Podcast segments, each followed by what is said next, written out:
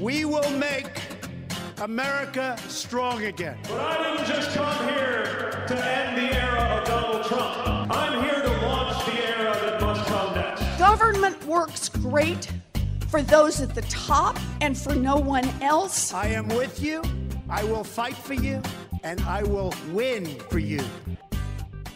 Impeachment, State of the Union en het debakel van Iowa. Er gebeurde meer dan genoeg in Amerika de afgelopen tijd en het komt allemaal voorbij in deze podcast. Maar eerst gaan we een duik nemen in het Amerikaanse energiebeleid en een gigantische fabriek die Shell in de staat Pennsylvania bouwt.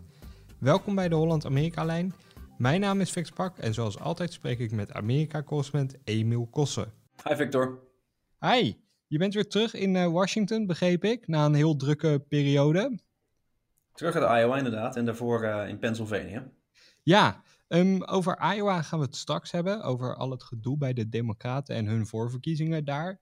Um, maar je was dus ook in Pennsylvania uh, eerder, een echte industriestaat. Wat was je daar doen?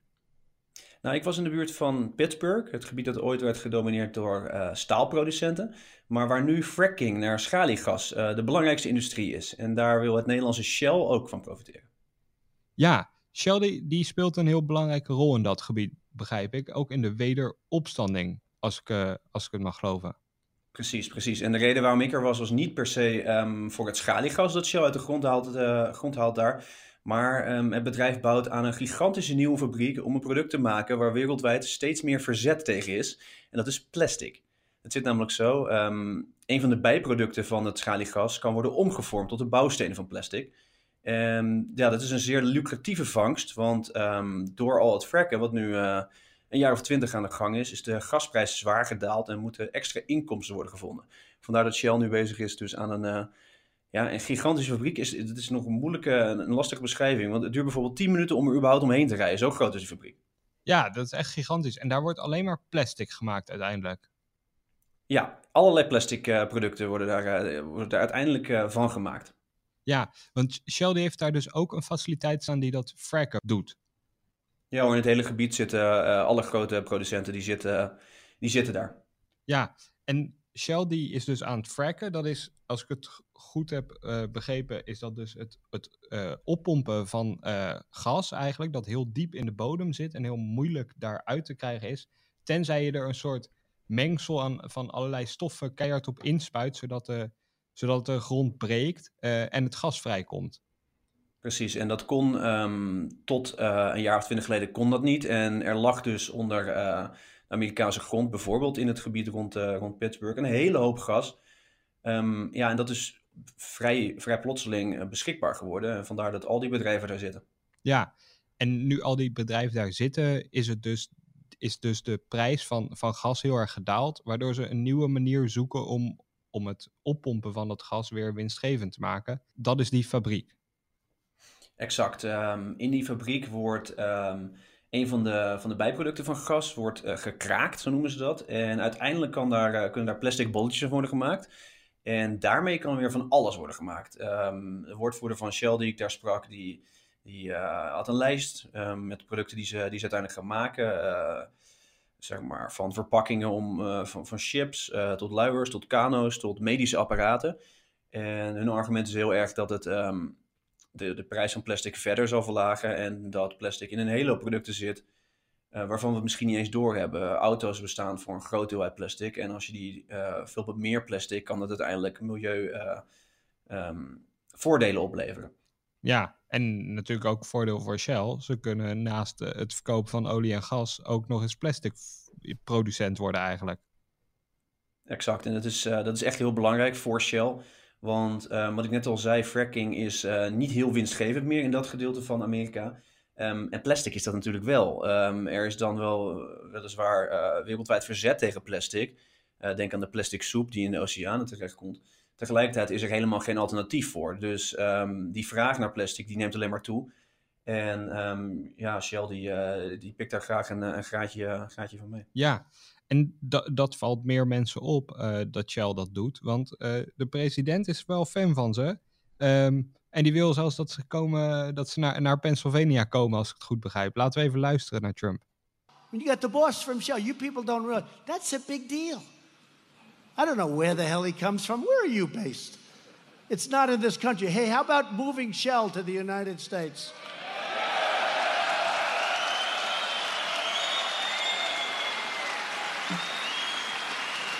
Well, we're ready if you are. Just let me know. But they have their big USA division. But that, that's a great company. It's a big deal. And that you're here is a big deal. Ja, Trump claimt credit voor, uh, voor deze fabriek. Dat is niet helemaal terecht, want um, het werd al besloten uh, tot de bouw ervan in de jaren uh, dat Obama de president was. Maar het is wel zo dat de regering Trump heel erg um, probeert in te zetten op deze petrochemische industrie. Dus dat is niet per se het schaliegas, maar wel al die bijproducten ervan. En um, Shell breidt natuurlijk wel heel erg uit in de, in de Verenigde Staten hier. deze fabriek die, die kost 6 miljard dollar en dat de, ja, dat investeren ze wel eventjes. En um, de regering Trump hoopt dat er, uh, dat er veel bedrijven zullen volgen. Ja, want, want die, dat zeiden we net niet. Die quote van Trump, hij is echt op bezoek geweest bij die fabriek, hè? Ja, hij was, hij was in de fabriek en um, ja, hij stond daar, uh, ja, hij deed een soort uh, victory lap, een overwinningsrondje. Dat moet je maar zien, iedereen wil weer terug naar Amerika komen. Ja, maar dat, dat is leuk voor Trump dat hij dat overwinningsrondje kan maken. Maar het, het is wel plastic wat, wat er gemaakt wordt. En de krijgt Shell niet heel veel boze reacties daarop. Want dat, er is een grote discussie. We kennen allemaal foto's van schildpadden met een plastic rietje door hun neus. En dat soort tragische voorbeelden. Ja, die discussie is er wel. Um, niet per se in de regio waar ik op bezoek was. Uh, die mensen die hebben andere, uh, andere zorgen. Um, maar van, van uh, linkse politie bijvoorbeeld zijn er wel, uh, die zetten wel vraagtekens bij deze fabriek. Hebben we nou echt meer plastic nodig? Um, en Shell reageert daar dus op door te zeggen, er is geen alternatief. Um, en plastic heeft ook een hele hoop positieve effecten. Het is niet alleen maar negatief. Ja, want de regio is dus, want je bent er geweest, die is over het algemeen wel enthousiast over, over Shell's activiteiten daar. Ik heb met een hele hoop mensen gepraat daar. En um, ja, zeker nu uh, de kogel door de kerk is, uh, de fabriek opent binnen een paar maanden, um, zijn ja, de grote delen van, van de bevolking daar um, positief. Dus ze zien die economische vooruitgang. Er waren een paar duizend mensen aan het werk aan die fabriek. Hotels zaten vol, restaurants zaten vol. En je moet herinneren dat dit een gebied is dat het juist heel zwaar heeft. Sinds de jaren tachtig, sinds alle staalproducenten vertrokken zijn, heeft deze regio ja, weinig economische economische ontwikkeling gezien. En nu komt er opeens die gigantische fabriek. Fracking was er natuurlijk wel, maar um, dat levert minder banen op. In ieder geval minder banen voor uh, laag opgeleide klassen dan, dan wat we nu gaan zien hier door Shell. Ja, want dat, dat produceren van plastic, dat krijgt echt een hoop mensen weer aan het werk, geloof ik. Nou, in eerste instantie waren dus een paar duizend mensen aan het werk, um, aan het bouwen. En je kan je voorstellen, dat zijn, dat zijn uh, bouwvakkers. Dus dat is een, uh, een bepaalde arbeidsklasse. Um, in de fabriek werken een, een, man of 600 uiteindelijk. En dat zijn hoogopgeleide banen. Maar um, economische rapporten die, die laten zien dat er veel fout aan banen komt in, um, in allerlei industrieën eromheen. Je kan van alles bedenken, van, van restaurants tot, uh, tot leveranciers voor de, voor de fabriek. Ja, en Trump die voelt dat wel goed aan, dat, uh, dat de bevolking er eigenlijk wel om zit te springen. hier zie je opnieuw tijdens de speech in die fabriek. You're sitting on gold. And we're taking advantage of it. And your future has never looked brighter or better. It's so great that you stayed because you suffered this whole region, Appalachia. The whole region, it just suffered, this whole region, with great people. The greatest people. And you suffered. When this plant opens, 600 American workers will get the full time jobs with quality health care, pensions, and great pay to support a family. Trump die claimt echt dit, dit succes. Dat hebben we net kunnen horen. Mensen krijgen een goede baan, uh, goede gezondheidsverzekering, pensioenen en een manier om familie te, te to support. Um, dat is echt, hij ziet dit echt als zijn succes. Ja, en um, deze discussie over die fabriek die, die, uh, die is al langer gaande, ook voordat Trump er was. Maar met Trump is er wel een, een, een ja, echt een andere ontwikkeling in het gebied gekomen. En mensen die, die leggen um, de positieve economische uh, vooruitgang ook wel uit, ten dele dankzij Trump. Um, ik sprak met een aantal kleine ondernemers. Um, een daarvan, Christy Harper, die heeft een, uh, die heeft een koffiezaak in, in Beaver. Dat is het dorpje waar, waar de fabriek vlak naast ligt. En ja, zij vertelde me dat ten eerste haar zaak het heel goed doet nu. En ten tweede dat ze steeds meer republikeinen in, in de regio krijgt. Two-thirds of this county is registered as Democratic voters. Only one-third is registered as Republican voters. But in recent elections, even as, as recently as uh, October, you've seen people going into leadership position with a Republican background, which is unusual. Ja, dit is wel opvallend wat um, Christy Harper hier zegt. In Pennsylvania steunen op dit moment zowel democraten als republikeinen fracking. Want er staan simpelweg te veel economische belangen op het spel om er echt tegen te zijn. De hele regio wordt opgetild door die industrie. Maar het is wel zo dat republikeinen meer uitgesproken zijn in hun steun. Um, die vinden bijvoorbeeld dat er nog wel een paar plastic fabrieken bij kunnen, terwijl democraten iets meer terughoudend zijn. Um, en landelijk is dat, uh, is dat eigenlijk ook wel zo. Ja, en dat is eigenlijk een best interessante spiegeling. Want in 2016 was het natuurlijk ook een belangrijk onderwerp. Dat ging toen vooral over mensen die werkten in kolenmijnen. Um, en toen ging Hillary Clinton lelijk onderuit met een bekende uitspraak van haar. We're going to put a lot of coal miners and coal companies out of business. Ja, dat ging toen uh, goed mis. Hè? De vraag die Hillary Clinton hier werd gesteld, um, terwijl ze in Columbus, Ohio was, was: waarom zou een arme republikein eigenlijk op jou stemmen? En toen was haar antwoord dat ze mijnwerkers eens lekker eens zou gaan ontslaan. Um, dat was niet echt een lekker antwoord. En ja, het doet inderdaad een beetje denken over de discussie nu over fracking. Want landelijk zijn er democraten die um, erg pessimistisch erover zijn. Maar is er nou niemand die zich zeg maar, zorgen maakt over het, over het milieu? Want er zijn volgens mij toch, als je met fracking en ook de komst van die plasticfabriek, dat stoot uit, dus de luchtkwaliteit. Maar ook de kwaliteit van het grondwater bijvoorbeeld kan serieus uh, schade oplopen door fracking. Is er nou niemand die zegt, ja leuk alle 600 banen en uh, goede pensioenen, um, maar hoe staat het eigenlijk met het milieu? Jawel hoor, jawel. Je hoort die uh, geluiden wel. Um, sommige mensen maken zich heel veel zorgen om, om, om uh, potentiële aardbevingen. Dat zou een van de gevolgen kunnen zijn van fracking. Inderdaad, het, uh, het grondwater. Maar in Beaver en omstreken vertellen de meeste mensen dat, dat we er eerst maar eens voor moeten zorgen dat iedereen te eten heeft. En dat je daarna gaat denken aan andere zaken. En ze, ze blikken ook vaak terug op de periode dat de staalproducenten in deze regio uh, domineerden. Je kan je voorstellen dat, uh, ja, dat, uh, de luchtkwaliteit destijds ook niet al te best was. Dus ze zijn hier wel wat gewend. En het milieu komt duidelijk op de tweede plek. You know, it's not, it's not pretty. Um, but overall, um, you know, I think what I've seen I mean, what little I've seen of Shell in my little Kalachi bubble here, uh, you know, is that they've been responsible and partnering with the community. And, um, you know, I think back to the steel industry and the pictures of the industry here in the day. Yeah. And how, what the city looked like, you know, with the smog and pollution. And you knew what you were breathing in then, and it wasn't good. Dus als ik het eigenlijk zo aanhoor, dan zijn mensen dus vooral blij dat ze gewoon weer te eten hebben. Um, dat ze hun kinderen uh, nieuwe kleren kunnen geven. Dat er werkgelegenheid dus is in het gebied. Um, en wat het, de gevolgen voor het milieu, die staan echt duidelijk op een tweede plek. Ja, op een bepaald moment was er een, een werkloosheidspercentage hier van 50% in de jaren 80. Ja, je kan je voorstellen dat niemand daar uh, naar terug wil. Ja, en dan worden ze toch best wel afgeschrikt, denk ik, door sommige landelijke democraten zoals Bernie en Elizabeth Warren, um, die pleiten volgens mij voor een geheel verbod van fracking wegens klimaatverandering.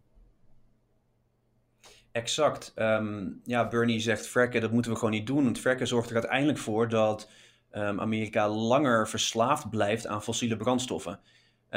Dat is op een, een, een, grote verandering, want Barack Obama een paar jaar geleden was een groot fan van fracking. Die stimuleerde het juist met een argument dat fracking naar, naar schaliegas wel beter is voor het milieu dan bijvoorbeeld um, het, het, het mijnen van kolen, van steenkool. Um, dus dat is, een, dat is een, uh, een flinke ruk naar links. En het is de vraag of dat politiek slim is. Ja, want bega je niet opnieuw zo'n flater als Hillary? Ja, op het oog is het niet heel slim. Um, aan de andere kant zeggen mensen, uh, supporters van Bernie Sanders en Elizabeth Warren, de, dat peilingen laten zien dat op zich uh, steeds meer Amerikanen zich zorgen maken om klimaatverandering. En dat je um, ja, een, een, een, verbod op fracking daarbij zou kunnen nemen en zou kunnen rechtvaardigen. Maar ja, je zegt, je zegt al, uh, Swing State Pennsylvania, daar zijn ze echt geen voorstander van een, uh, een frackingverbod. Misschien in Pittsburgh, een grote stad, maar in het gebied eromheen is daar echt geen steun voor. En je kan ook denken aan een staat als Texas.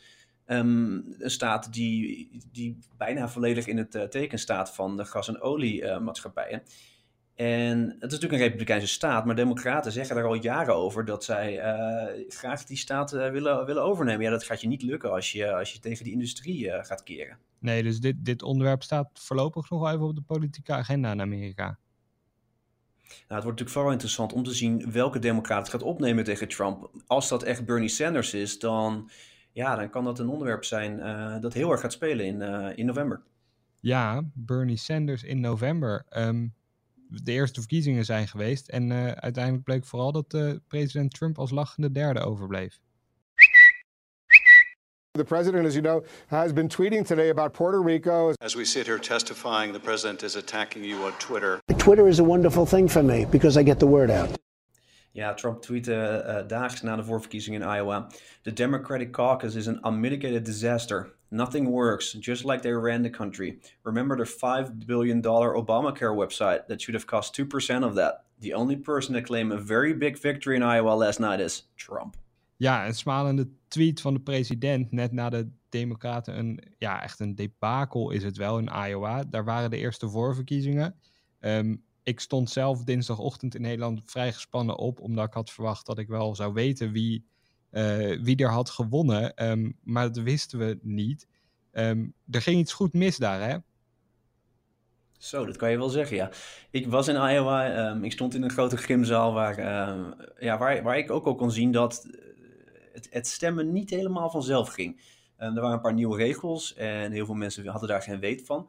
En uiteindelijk bleek het dus dat de uitslag uh, ja, dagen op zich liet wachten, omdat uh, er softwareproblemen waren om de uitslagen per regio door te geven aan een uh, centraal bestuur. Ja, en Trump die verwijst in zijn tweet ook naar eerdere softwareproblemen. Toen op het konto van president Obama, die Obamacare presenteerde en de aanmeldwebsite daarvoor om, om je verzekering zo te regelen, dat was een totaal fiasco.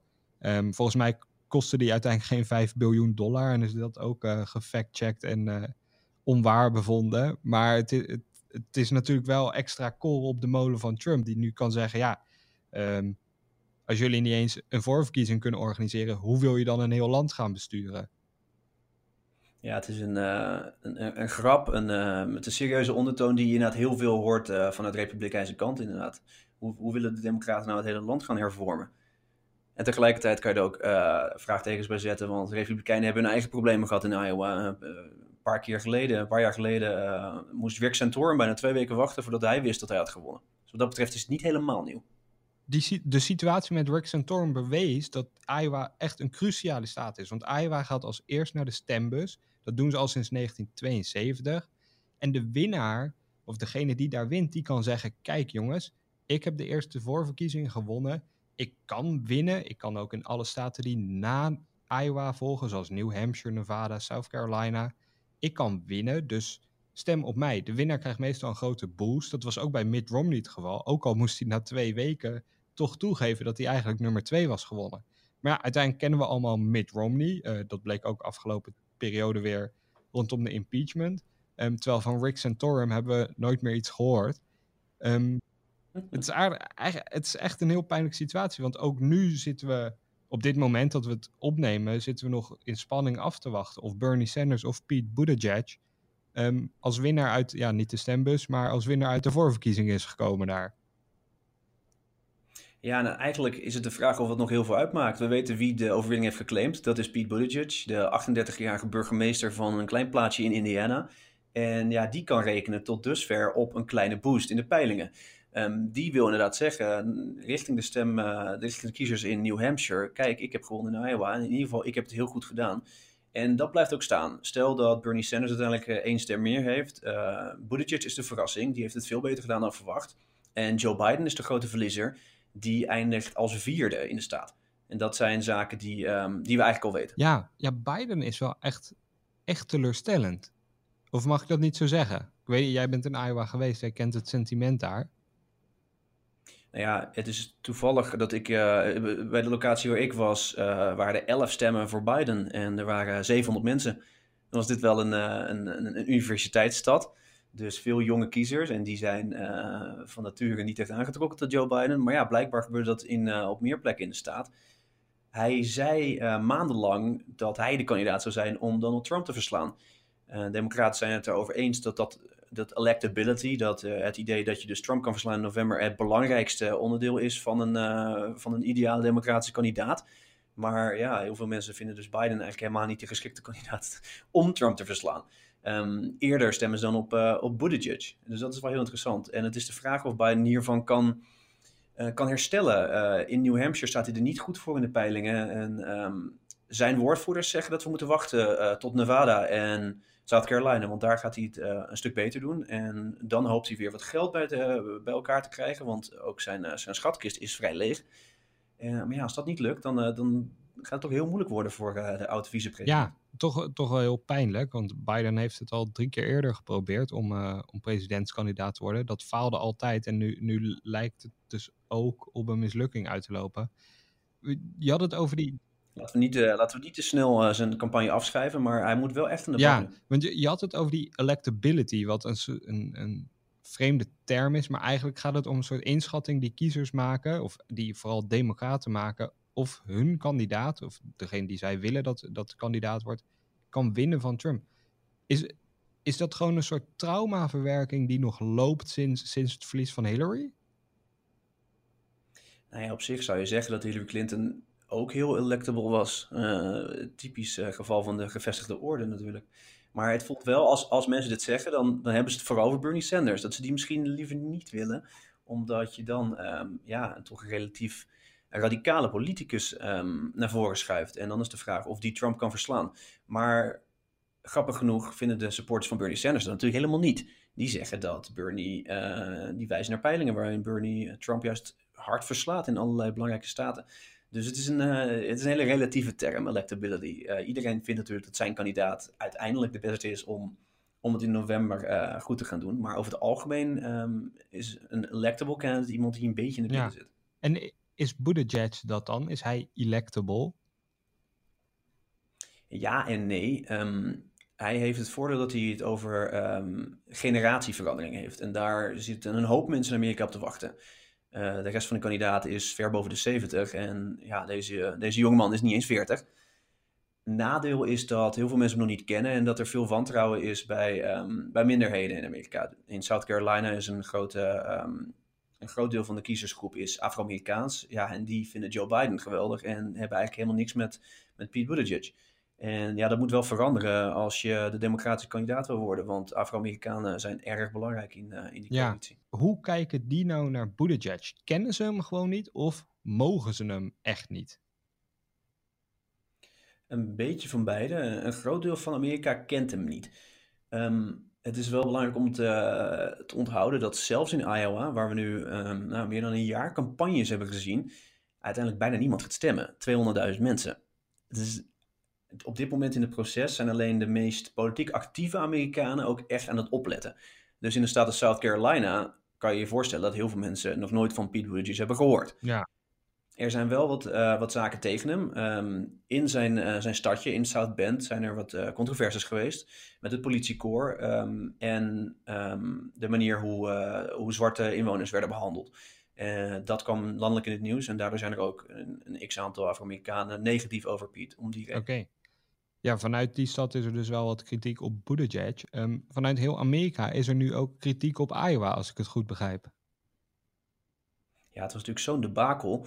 Um, dat er uh, vragen worden gesteld, moet Iowa nog steeds wel de eerste zijn. Het hele systeem is natuurlijk een, een beetje gek dat een hele kleine staat, een landbouwstaat, vol met uh, blanke Amerikanen als eerste mag elke keer weer. Dus er zijn wat vraagtekens bij of Iowa ook over vier jaar nog steeds first in the nation Ja, want Iowa heeft ook nog eens dat gekke kiessysteem. Um, waar, die caucus, dus dat iedereen in, in groepen bij elkaar komt en, en iemand kiest. Um, alles bij elkaar deze hele week dan, um, vooral met dit debakel voor de Democraten, is echt misschien wel de beste week voor Trump uh, sinds hij president is geworden. Ja, er zat een hele hoop mee uh, voor Trump. Dat gebeurt niet vaak.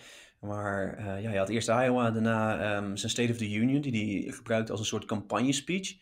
Om eventjes aan het hele volk uit te leggen wat er allemaal beter is gegaan de afgelopen paar jaar. En dat was een, dat was een best goede speech. En ja, daarna was natuurlijk op woensdag was de, de stemming over impeachment. Um, en we wisten dat Trump die zou overleven. Maar het moment is nu daar en nu kan hij dus uh, victorie ja, krijgen. Want over die State of, the oh, State of the Union, hij claimde echt, echt succes, hè? Want hij zei echt van, Amerika is er weer bovenop, dankzij mij. Ja, dat is natuurlijk wat elke president doet, dat is uh, overdrijven. Als het uh, economisch meezit, dan, dan claim je dat als president. Um, als uh, het, het, aantal illegale immigranten afneemt, dan claim je dat als president. Het is ten dele te danken aan Trumps beleid, maar eigenlijk op heel veel vlakken heeft beleid er niet zoveel mee te maken. Um, pak de, neem de muur bijvoorbeeld, die wordt wel gebouwd, maar heel erg langzaam. Het lijkt meer een PR-effect te zijn, omdat Trump steeds zegt dat niemand welkom is, dat er wat minder migranten komen. Uh, en met de economie is het natuurlijk veel onduidelijker welke invloed een president daar precies op heeft. Maar feit is dat heel veel Amerikanen um, ja, ervaren dat het beter gaat, economisch gezien. En daar kan Trump heel goed gebruik van maken. En dat deed ja. hij dus ook. En dan een dag later, toen uh, was het zover, uh, vrijspraak voor de president. Ja, en eigenlijk zoals verwacht uh, was er vrijwel geen republikein die stemde voor afzetting. Uh, er, was een tweederde meerderheid nodig om de president af te zetten. Nou, daar was eigenlijk geen moment sprake van. Um, maar na maanden onderzoek van de Democraten, maandenlang uh, smeekbedes van links om, om Republikeinen maar zover te krijgen hun eigen president af te vallen, ja, was er uiteindelijk maar één iemand van de Republikeinse zijde die, uh, ja, die aan de Democratische zijde ja, stond. Maar ik vond dat dat wel ballen vergde van Mitt Romney. Die stemde uiteindelijk wel voor uh, de veroordeling van Trump. En uh, ik, ik vond het een overtuigend betoog dat hij hield. Romney was eerder ook voor het verhoren van uh, getuigen. Um, wat ook niet gebeurd is op, op instigatie van de, van de Republikeinen. Um, maar uiteindelijk zei hij van. De president had nooit deze verzoeken aan de Oekraïense leider gedaan. Als het niet om Joe Biden en zijn zoon ging. Ik vond het fascinerend dat geen enkele andere Republikein dezelfde conclusie trok als Romney. Ja, Romney is, uh, is inderdaad een uitzondering hier. Hij heeft natuurlijk wel een soort van renegade position. Hij is um, vanaf het begin als senator uh, gebrouilleerd met Trump. En daardoor heeft hij wat, wat ruimte om zich meer openlijk uit te spreken uh, dan andere republikeinen die voor bijvoorbeeld hun herverkiezing afhankelijk zijn van de steun van de president. Dat is bij Romney niet het geval. En op zich, het argument van Romney, um, dat, dat, dat kan je wel snappen. En er zijn ook wel meer republikeinen die dat hebben gezegd. Er zijn een, een, een stuk of tien senatoren die hebben gezegd ja, wat, wat Trump heeft gedaan in Oekraïne, dat was niet oké, niet vrij. Maar uh, zij oordeel uiteindelijk, uh, hun oordeel was uiteindelijk dat het niet erg genoeg was om een president af te zetten. En daar was ook wel weer wat voor te zeggen. Het is uiteindelijk een, een, waardeoordeel natuurlijk dat, dat de senatoren moesten, uh, moesten uiten. Opvallender is eigenlijk andere groep republikeinen die gewoon zegt, nee hoor, Trump heeft niks fout gedaan. Ondanks dat we hebben gezien dat hij um, op meerdere momenten de Oekraïnse regering onder druk zette om ja, om maar met, uh, met, met uh, politieke vuiligheden te komen over Ja, Joe Biden. Want Romney werd direct na, zijn, na het bekendmaken van zijn besluit ook echt keihard afgevallen door Republikeinen, door de, door de zoon van Trump, uh, door Trump zelf, die een spotje tweette over dat, dat uh, Romney gehaaid is en mensen eigenlijk uh, uh, ja, pootje licht. Um, ja, dat hij een, dat hij een, eigenlijk een democraat Ja. was, hè? In ja, maar dit, dit is toch eigenlijk dan de Republikeinse partij is. Kan je nu zeggen dat het nu definitief de Trump-partij is? Ja, in, het, in het Huis van Afgevaardigden was dat eigenlijk al zo. Daar zijn ze al heel erg pro-Trump op vrijwel elk um, onderwerp. In de Senaat is er normaliter iets meer um, nuchterheid en wat afstand van de president. Um, en dat, dat zag je bijvoorbeeld bij een aantal buitenlandse kwesties. Uh, neem, uh, neem Trumps beleid met betrekking tot Iran. Dan hoor je uh, af en toe senatoren die, ja, die, die een ander standpunt hebben dan de president heeft. Maar hier bij impeachment inderdaad, daarom is het ook zo'n grote overwinning voor Trump. Ja, staat de Republikeinse Partij gewoon als één blok achter Trump. Met uitzondering van Mitt Romney. Ja, duidelijk. Bij de Democraten is in ieder geval wel wat meer intern debat. Um, zullen we het daar de volgende keer over hebben? Ja, we gaan de voorverkiezingen in de gaten houden. New Hampshire, Nevada, het wordt, uh, het wordt spannend. Ja, en South Carolina, niet te vergeten. En South Carolina. Dan spreken we elkaar dan weer. Dit was de Holland-Amerika-lijn voor deze keer. Vergeet u niet te abonneren op ons kanaal, zodat u de volgende aflevering vanzelf ontvangt op uw favoriete podcastkanaal.